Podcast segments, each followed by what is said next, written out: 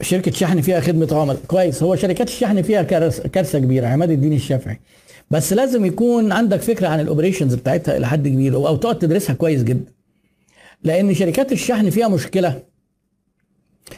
آه وما زال في احتياج قوي جدا لشركات شحن محترمة والأغلبية الساحقة في شركات الشحن مش محترمة. يعني بصرف النظر. أهو دول برضه هتلاقيهم زعلانين مني. ليه؟ إيه السبب؟ عايز يخفض التكلفة عايز يجيب عملاء كتير وبعدين الأمور بالنسبة له إيه؟ الشحن دلوقتي في الأونلاين. هو عايز يوصل للعميل الحاجة وياخد من العميل فلوس. يوصل للعميل بتاعك أنت أنت بتبيع أونلاين. أنت بالنسبة له عميل وعميلك ده اللي أنت عايز توصل له فهو بيتعامل معاك. ممكن يعمل pick up ياخد الحاجة من عندك وبعدين يوصلها لعميلك وبعدين ياخد الفلوس منه وبعدين يرجعها لك ولو حصل مرتجع ودي نسبة عالية ياخدها يروح يجيبها منه ويرجعها لك تاني. ولو انت هتبدل تروح تديها للعميل بداله. عايز يعمل كل ده بتكلفة قليلة. تمام؟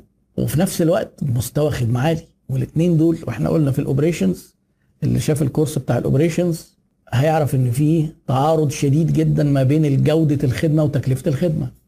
الشركة جايبة ناس مشغلاهم بدون تدريب مش متعلمين أصلا. علشان تقلل تكلفتهم فياخدوا مرتبات قليلة ويروح ناكش شعره كده ولابس لي شبشب ومنزل البنطلون لحد ركبته. آه يسلم الناس. منظرك انت كشركة بقى بايخ. مشكلة اهي مشكلة. آه يكلم العميل برخامة. العميل يقول له لا ده أنا مش في البيت. يقول لك لا ما انت امال حضرتك طالب ليه وما أعرفش. طب ما دام بقى ما كنتش تطلب ما كذا. فلو ال operations دي. لو انت هتشتغل في ناس بقى بيشتغلوا بموتوسيكلات عشان يقللوا تكلفة وناس بيشتغلوا بعجل. بس المشكلة المكن اللي بيمشوا بيه ده ما بياخدش orderات كتير والعجل برضه بياخدش orderات كتير.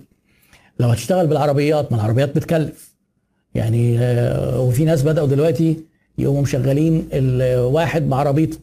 بقى هو سواق على العربية والعربية وبنزينها العربية بتكلف لها في الشهر من 10 ل 12 ألف جنيه.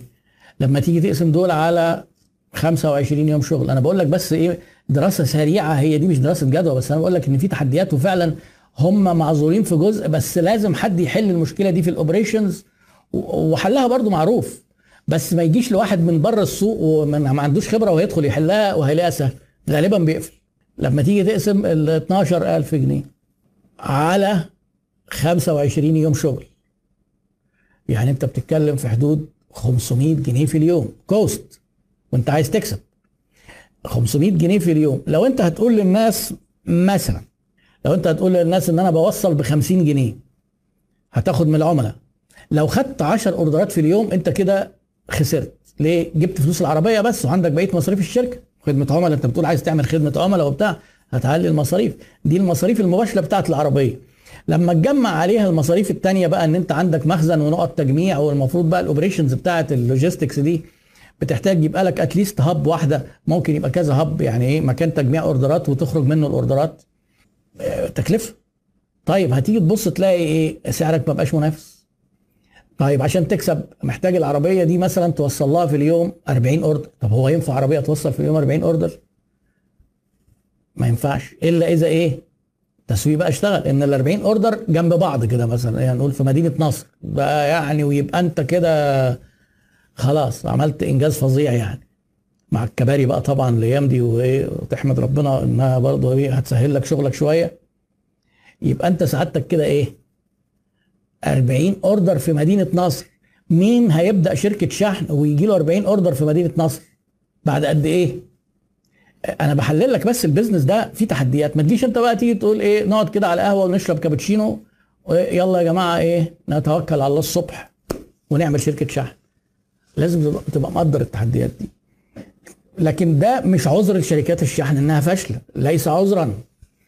أنا بتعامل مع شركة شحن وعارف إنها غالية وعارف بالحسابات دي إنها إيه؟ تستحق هذا المبلغ. وعاملين شوية صعوبات ما بيحصلوش مثلا من العملاء. لو أنت هتحصل بيحاسبوك على رايح وجاي يعني هي بتدفع الدبل بالنسبة لي أنا أوكي بشتغل معاهم بقالي كذا سنة ومش عايز أجرب حد تاني لأن أنا متأكد إن أي حد تاني هيبقى جودة أقل بسعر أقل. وأنا بالنسبة لي الخدمة بتاعت الخدمة أهم من السعر. لكن طبعا تعالى بقى بص سوق الشحن. لو أنت واحد مثلا بتبيع حاجات ال order بتاعك ال- الحاجة اللي أنت بتبيعها مثلا ب 50 جنيه عايز تحملها كمان شحن 50 جنيه مش هتتباع خلاص يبقى أنت كده حكمت على شغلك مش هيمشي.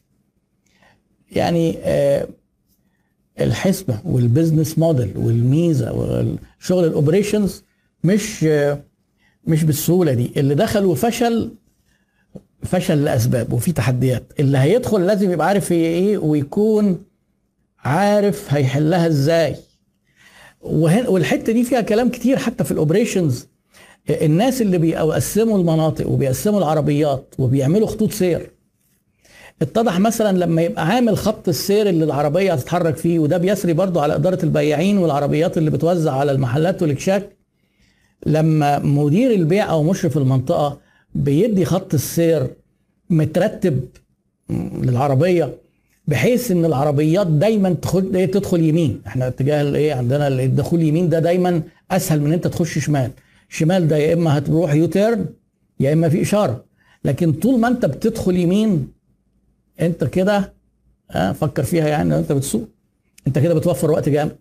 يعني حتى في تفصيلة خطوط السير انك تخلي ترسم على الخريطة مشوار للعربية بحيث انها باستمرار تقعد تخش يمين آه وده بيغير الترتيبة بقى إيه مش من قريب للبعيد ولا من البعيد للقريب. آه بتوع بقى البيع عندهم مشكلة البعيد ولا القريب لأن هو بالنسبة له العربية آه مش عايزها تفضى قبل ما يروح لزباينه المهمين. لكن بتاع الشحن لا ده هو عايز يلف اللفة ويفضي العربية ما عندوش المشكلة دي. فهنا الموضوع أنا بكلمك إن إيه تاخد بالك إن في تفاصيل صغيرة. في شركات رخيصة وممشيه الحال اللي هي بتروح تبيع لتجار بتروح توصل لتجار الجمله ما بيتعاملش مع عميل في البيت. بتوع الجملة دول مش عايز خدمة يعني world class مش عايز فنادق يعني مش عايز نظام فنادق. لا بيرمي له الحاجة كده في كرتونة ولا في شوالة ولا في كيس زبالة. مثل ملفوف كده بسيلوتيب وزي الفل. خلاص ما فيش مشكلة. الناس دول ما ينفعش يوصلوا حاجات من البيوت. طبيعة طبيعة التعامل بتاعهم بالبنطلون المدلدل اللي بقول لك عليه ده ما ينفعش. ما ينفعش يتعامل مع ناس يوصل لهم ال B2C يعني. ما ينفعش.